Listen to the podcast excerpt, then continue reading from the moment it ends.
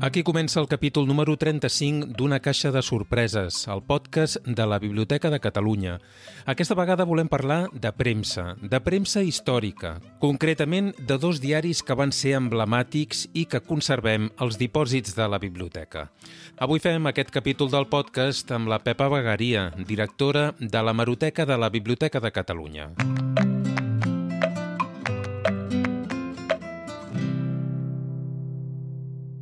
Una caixa de sorpreses, el podcast de la Biblioteca de Catalunya.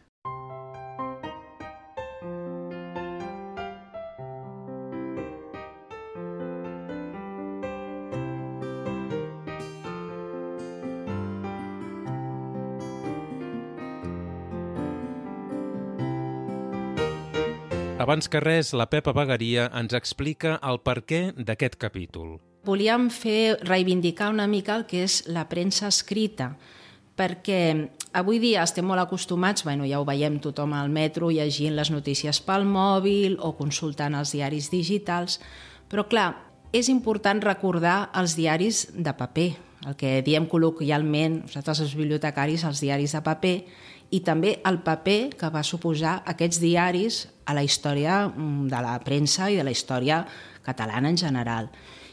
Quins dos títols que puguin reflectir millor aquest paper dels diaris, com són el Diari de Barcelona i la Veu de Catalunya. És clar que hi ha molts altres títols molt importants, però tant un com l'altre van ser potser els més emblemàtics un, com és el Diari de Barcelona, per la llarga durada, la, la vida tan llarga que va tenir, i la veu de Catalunya perquè també va tenir una vida molt llarga que en comparació amb el Diari de Barcelona és molt curta, perquè només van ser 38 anys, però sí que és un dels diaris escrits en català, si no el diria abans de la Guerra Civil, el que va tenir una vida més llarga escrita en català. Doncs comencem pel més antic, un diari creat ara fa més de 230 anys. El Diari de Barcelona mm, va néixer per la idea d'un impressor napolità, Pedro Pablo Usón, que es treballava al Diari de Madrid, a la Cort de Madrid, i va tenir la idea de dir, doncs fem un diari semblant a Barcelona. Per això va haver de demanar un privilegi al rei Carles IV, que li va concedir. I el privilegi se li va concedir el 6 d'abril de 1792. Aleshores, un cop obtingut, va publicar un número prospecte, que els números prospecte ho feien moltes revistes, era un, un número que a vegades era sense data, o sense numeració i servia per anunciar el diari o la revista que es publicaria més endavant, una mica amb les característiques que tindria. I en aquest cas també van publicar un número prospecte que no portava data. Després d'aquest primer número prospecte, que ens deia la Pepa, una mena de número zero, el diari finalment va sortir al carrer aquell mateix any. Aleshores, el dia 1 d'octubre de 1792 va ser el dia que es va imprimir per primer cop el primer número del Diari de Barcelona. A la capçalera d'aquest diari es va posar, eh, apareixia l'escut de la ciutat de Barcelona perquè l'Ajuntament va donar permís per incloure. I va ser una primera etapa que era un diari molt semblant, molt similar a altres diaris que es feien a Europa o també a Espanya. El que recollia bàsicament eren informacions militars, informacions meteorològiques, també de caire religiós o també del transport, portuàries, del comerç, era de la vida més quotidiana. El Diari de Barcelona, en aquells inicis, era més aviat petit, feia 21 centímetres de longitud i tenia molt poques pàgines. Es recollien notícies més aviat breus, concretes i de proximitat. No havia grans articles ni tampoc comentaris d'opinió. Eren uns diaris que en aquell moment no tenien il·lustració, era tot text, algun dibuixet, però bàsicament era només text i informacions molt curtetes, informacions que eren doncs, eh, molt concretes de, i de dades molt concretes. Aquesta primera etapa del Diari de Barcelona va durar prop de 20 anys, fins al març de 1810, moment en què les tropes franceses van ocupar Barcelona. Som al mig d'una guerra, la Guerra del Francès, que va tenir lloc entre els anys 1808 i 1814. Durant aquesta guerra, que va durar aquests eh, anys, el títol es va canviar tres vegades. El primer canvi va ser a Diari de Barcelona i del Govern de Catalunya, això va durar del 22 de març al 10 d'abril, poquets dies. Després va canviar a diari del govern de Catalunya i de Barcelona. Això va ser de l'11 d'abril al 12 d'agost, sempre és un temps mm, curtet. I fixeu-vos que el títol era en català, era en català i els textos eren en català, menys alguns textos oficials de notícies oficials que eren en francès. Aleshores, després va tornar a canviar, aquest cop a Diario del Gobierno de Catalunya i de Barcelona, del 13 d'agost de 1810 fins al febrer de 1814, fins al final de la guerra. I aquest cop ja va tornar a ser en castellà.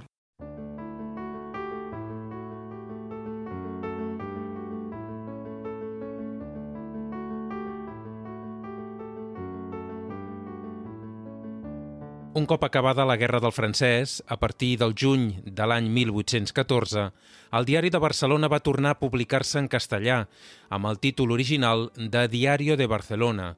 Començava així una nova etapa i el diari encetava també una numeració nova, però hi haurà més canvis. El diari passa a un nou propietari, que és Antoni Brusi Miravent, que és el que es farà càrrec de la publicació fins que es va morir el 1821 comença, diguéssim, la saga de la família Brusi. Per això el diari és conegut com el Brusi, per tots els anys de la influència de la família amb el diari, que és molt important. Aquesta, la propietat del diari, quan va morir el Antoni Brusi Miravent, va passar a mans de la seva vídua, que era Eulàlia Ferrer, i la direcció a Pau Soler, que Pau Soler es va casar amb una filla del matrimoni de Brusi Ferrer. Però va ser un altre fill d'aquest matrimoni, Antoni Brusi Ferrer, el que es va posar al capdavant del diari a partir de 1838.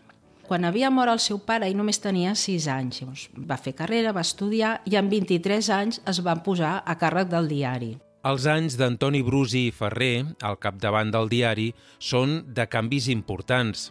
El diari creix, evoluciona i es modernitza. Tenia moltes idees, eh, volia donar una empenta, un aire nou, va proposar modernitzar i millorar el diari, va duplicar el nombre de pàgines, que va passar de 8 a 16, i d'una sola edició que es feia va passar a tenir dues edicions, i una al matí i una a la tarda. També va introduir la màquina de vapor per a les tasques d'impressió i també l'ús del telègraf. Fins i tot va fer una secció que era dels partes telegràficos. D'aquesta manera també s'estava més al dia del que anava passant al món, diguéssim, gràcies a aquest, amb l'invent del telègraf.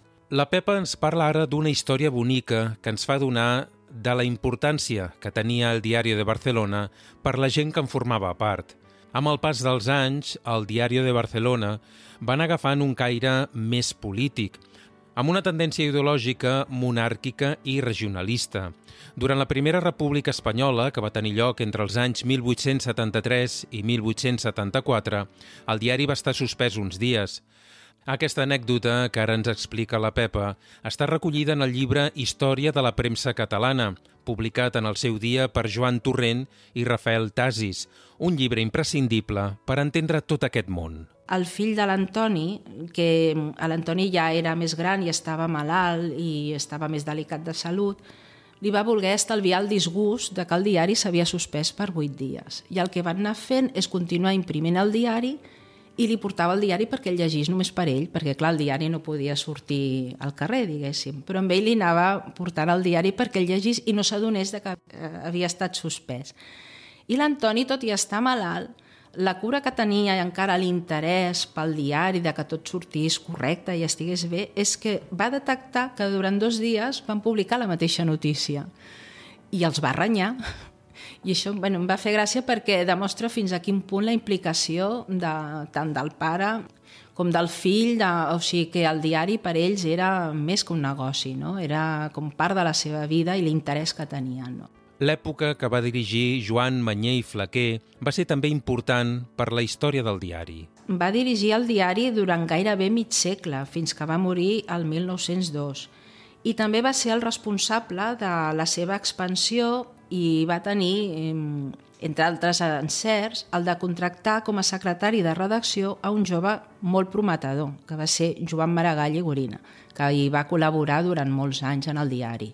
Joan Maragall i Gorina, és a dir, Joan Maragall, el poeta Maragall, que també va ser periodista durant molts anys.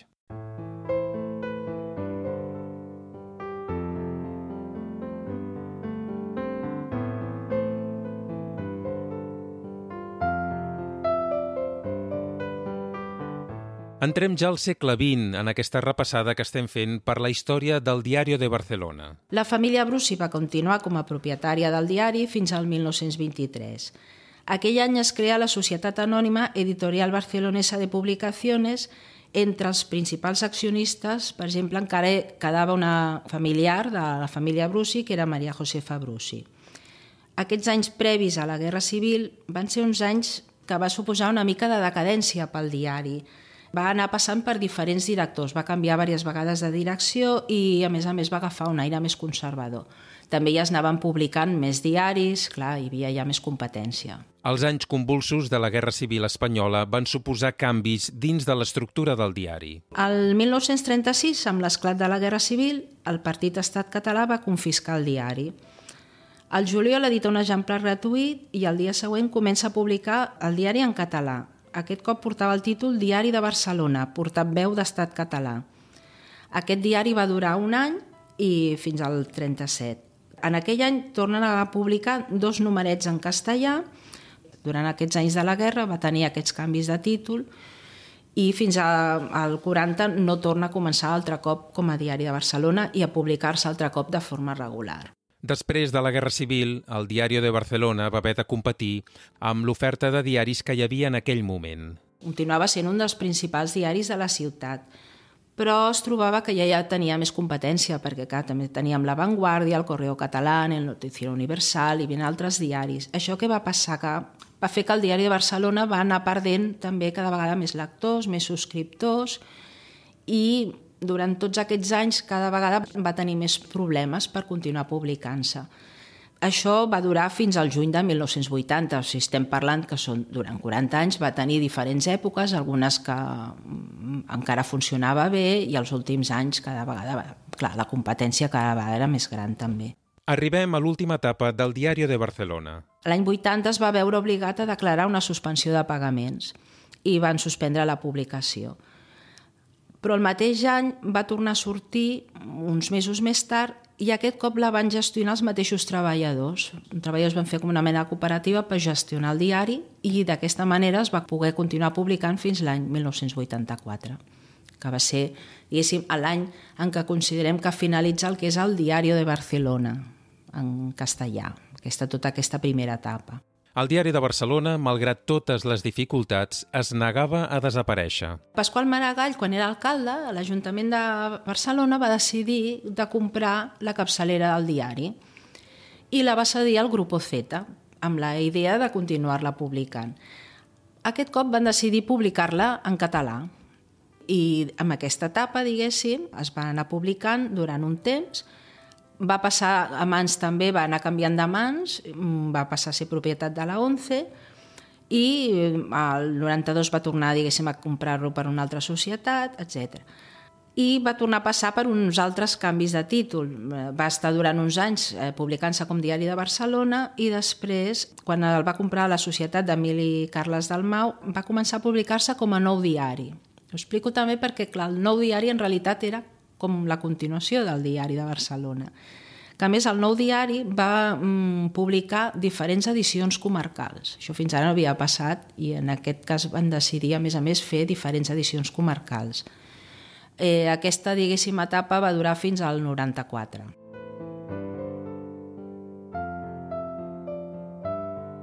L'Ajuntament, l'any 98, es va tornar a replantejar a recuperar el diari eh, d'alguna manera és un diari que ningú volia deixar morir, no? eh, suposo. Però aquest cop mm, van decidir només editar-lo en format digital, només es podia consultar en línia. Va ser un, una idea de recuperar-lo, però en aquest cas ja no en paper, sinó en línia. I això va durar fins al juliol del 2009. El Diari de Barcelona, una de les capçaleres històriques de la premsa escrita del nostre país, va tenir, com hem pogut comprovar, una llarga i dilatada trajectòria. Hem vist un recorregut molt llarg amb edicions de matí, tarda, nit, diferents períodes, va canviar de format perquè va passar de ser un format petitet de 21 a ser el format típic de diari de 43 centímetres, 42 centímetres va ser un diari que va començar com un diari imprès i va acabar com un diari digital. Vull dir, és una vida molt llarga i molt apassionant. Si contem amb tots els canvis de llengua, títols i formats, són 217 anys de vida. Que això per un diari és un rècord. Des de l'abril del 2020, el Diari de Barcelona existeix com a mitjà digital. És un projecte impulsat des de la Universitat Pompeu Fabra amb el suport de l'Ajuntament de Barcelona i la Diputació de Barcelona. Segons podem llegir a la seva pàgina web, diaridebarcelona.cat, aquest nou mitjà de comunicació recupera la històrica capçalera Diari de Barcelona i es publica diàriament en format digital amb el propòsit d'esdevenir un referent informatiu per a tota la ciutadania, però amb especial atenció a les generacions de joves d'entre 16 i 30 anys. Amb aquest projecte, l'UPF es converteix en una de les primeres universitats europees en tenir un mitjà de comunicació diari fet per estudiants.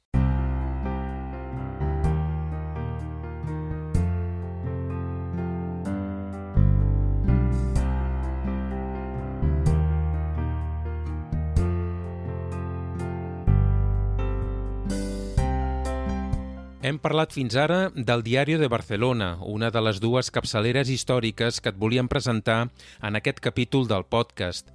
És moment ara de parlar de la segona. La veu de Catalunya, que va ser coneguda com la veu, va tenir una vida més curta, van ser 38 anys, però amb el mèrit de ser un dels diaris escrits en llengua catalana de més llarga duració. Va ser fundada i dirigida per Enric Prat de la Riba amb la intenció de ser una mica la, el portaveu de les idees de la Lliga Regionalista pel que fa a l'autonomia, l'ús de la llengua, etc.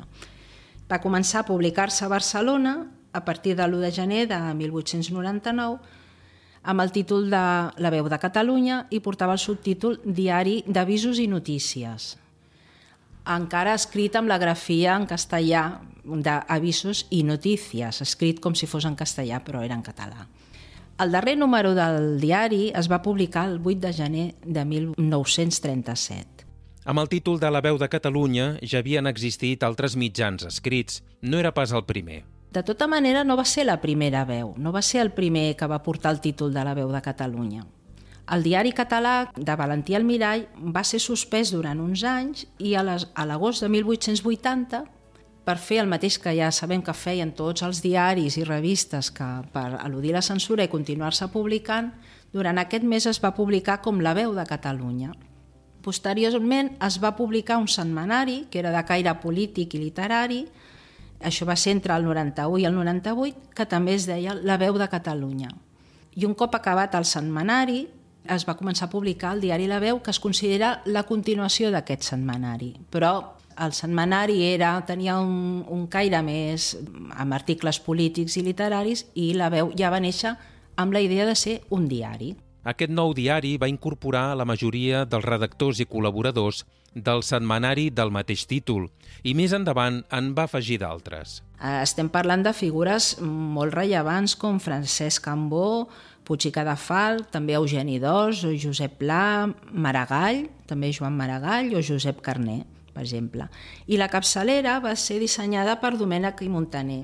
La Pepa Bagaria es fixa especialment en la capçalera del diari La Veu de Catalunya. I és graciosa la capçalera perquè representa l'escut de Catalunya, però realment jo me la vaig estar mirant al dibuix i sí, recordo una perdiu. Aleshores, totes les revistes humorístiques de l'època, quan volien criticar les notícies o volien fer referència a la veu, parlaven de la perdiu. Fins i tot va sortir una revista humorística que era la perdiu amb salsa, per fer una mica la crònica de les notícies des de la vessant humorística del que sortia la veu. Ja sabem que era una manera de criticar també les notícies oficials, no? i per això es parlava de la perdiu.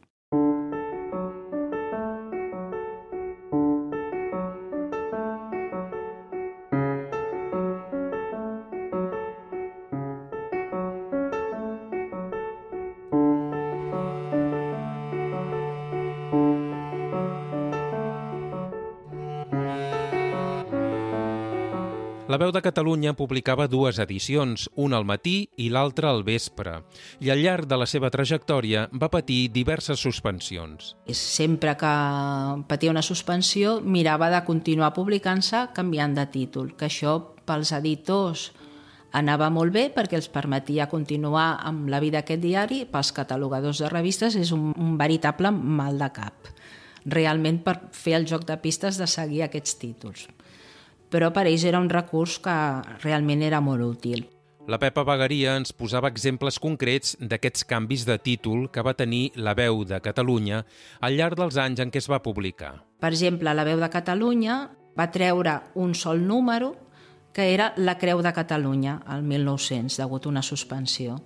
Després també, però aquesta vegada van treure ja més números, van treure 276 perquè va durar més anys, va sortir com Diari de Catalunya. Un dels incidents més recordats vinculats amb aquest diari va tenir lloc el 25 de novembre de l'any 1905. Eren els fets del Cucut. La raó d'aquest nom és perquè la veu de Catalunya s'imprimia a la impremta Bagunyà, que també imprimia la revista El Patufet i la revista El Cucut. I aquell dia un grup de militars així, esbojarrats van entrar, van destrossar la redacció, la impremta, van calar foc i clar, el motiu de tota aquesta fúria va ser per un acudit que es va publicar a la revista El Cucut. Aquest acudit representava que era una celebració de la Lliga Regionalista, havia guanyat les eleccions municipals i en el fronton comtal estaven celebrant un banquet. Un militar, que es veu el dibuix d'un militar, li preguntava a un dels que estaven a, a l'entrada del fronton que què se celebrava i li explicava que era el banquet de la Victòria i el militar contestava ah, doncs deuen ser paisanos. Clar, això representa que era una caricatura que el que volia era mm, ridiculitzar les últimes derrotes de l'exèrcit espanyol. I a l'exèrcit no li va fer gens de gràcia. O sigui, va portar cua aquesta caricatura perquè va encetar tot un procés de repressió que va desembocar en la llei de jurisdiccions. Aquesta llei donava carta blanca als militars per jutjar tots els fets que poguessin considerar que eren una defensa pels militars o per la unitat d'Espanya.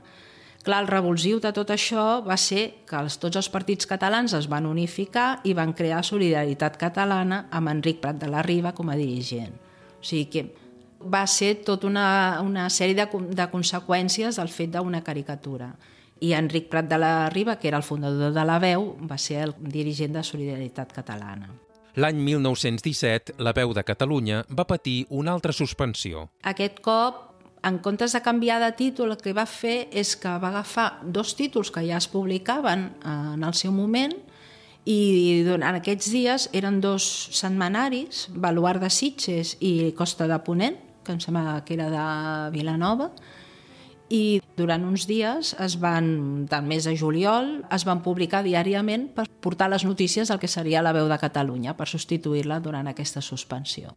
Fent aquest repàs pels moments claus de la història del diari La Veu de Catalunya, arribem a l'any 1929. Van celebrar els 30 anys la, la veu i per commemorar l'inici de la publicació van publicar un número extraordinari de 48 pàgines que feia un homenatge a tots els col·laboradors que havien passat pel llarg del temps a la, en el diari.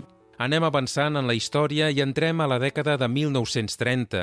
Aquí un dels fets singulars el trobarem en el canvi de nom d'una de les dues edicions del diari. Entre maig del 33 i desembre del 34 es va publicar el diari La Veu, que tenia una edició del vespre. Durant aquells anys es va publicar amb el títol propi de La Veu del vespre. Li van posar un títol i es van publicar 515 números amb aquest títol de la veu del vespre durant aquests anys.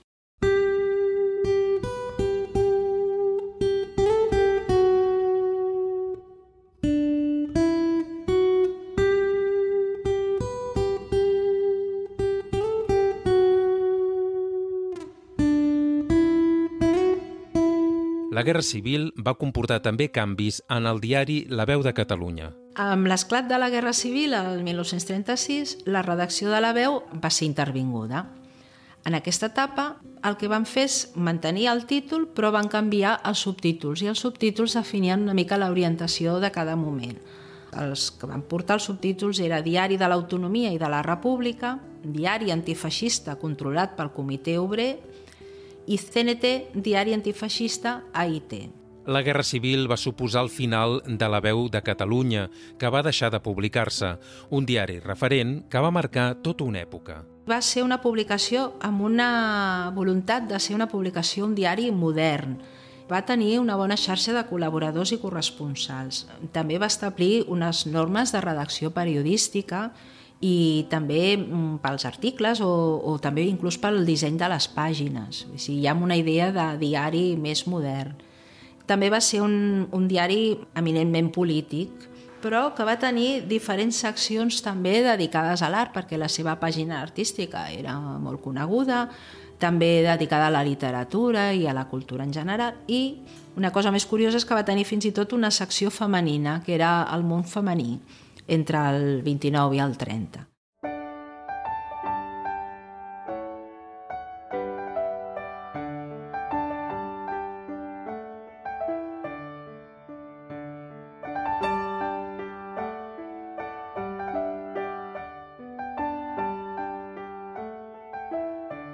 Aquests dos diaris que han protagonitzat aquest capítol del podcast es poden consultar per internet gràcies a la digitalització que s'ha fet aquests últims anys a través d'un projecte col·laboratiu que involucra diverses universitats i institucions catalanes, entre les quals la Biblioteca de Catalunya, que és qui l'impulsa.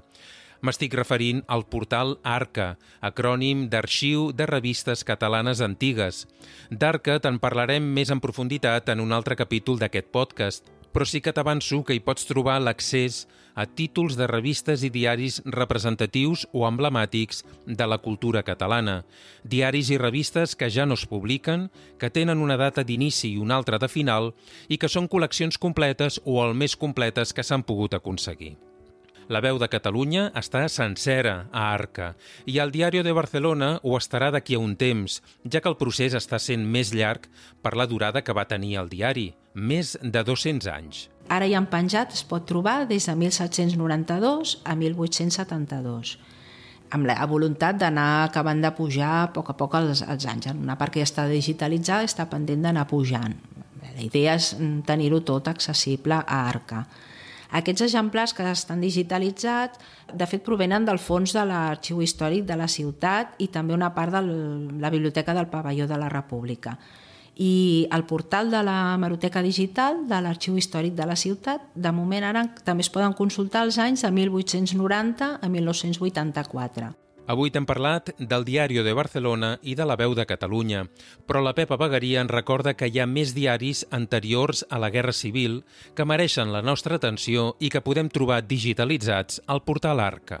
El diari català, o la publicitat, la humanitat i un títol, que aquest el deixo pel final, que és un diari que, com altres que hem vist, va canviar mm, diverses vegades de títol, eh, va ser la imprenta, el Principado, el Telègrafo, però que el seu títol principal i pel que és més conegut és el Diluvio, que es va publicar entre 1879 i el 1939.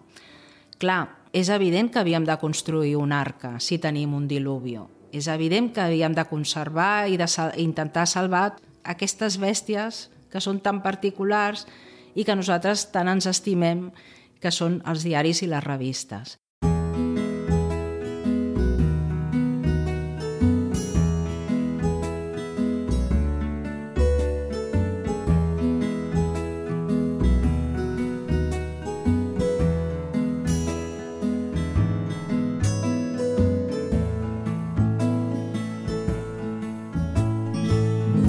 Fins aquí arriba el capítol número 35 del podcast de la Biblioteca de Catalunya. Si vols saber més coses sobre el que t'hem explicat d'aquestes dues capçaleres històriques, el Diario de Barcelona i la Veu de Catalunya, la Pepa Bagaria ens ha preparat un seguit d'enllaços per ampliar aquesta informació que pensem que et poden interessar. Els trobaràs a la nostra pàgina web, que és bnc.cat barra podcast. I si tens algun dubte o consulta en relació a aquest capítol o sobre el podcast en general, ens pots escriure a l'adreça podcast.bnc.cat. Moltes gràcies per haver arribat fins aquí i fins al pròxim podcast.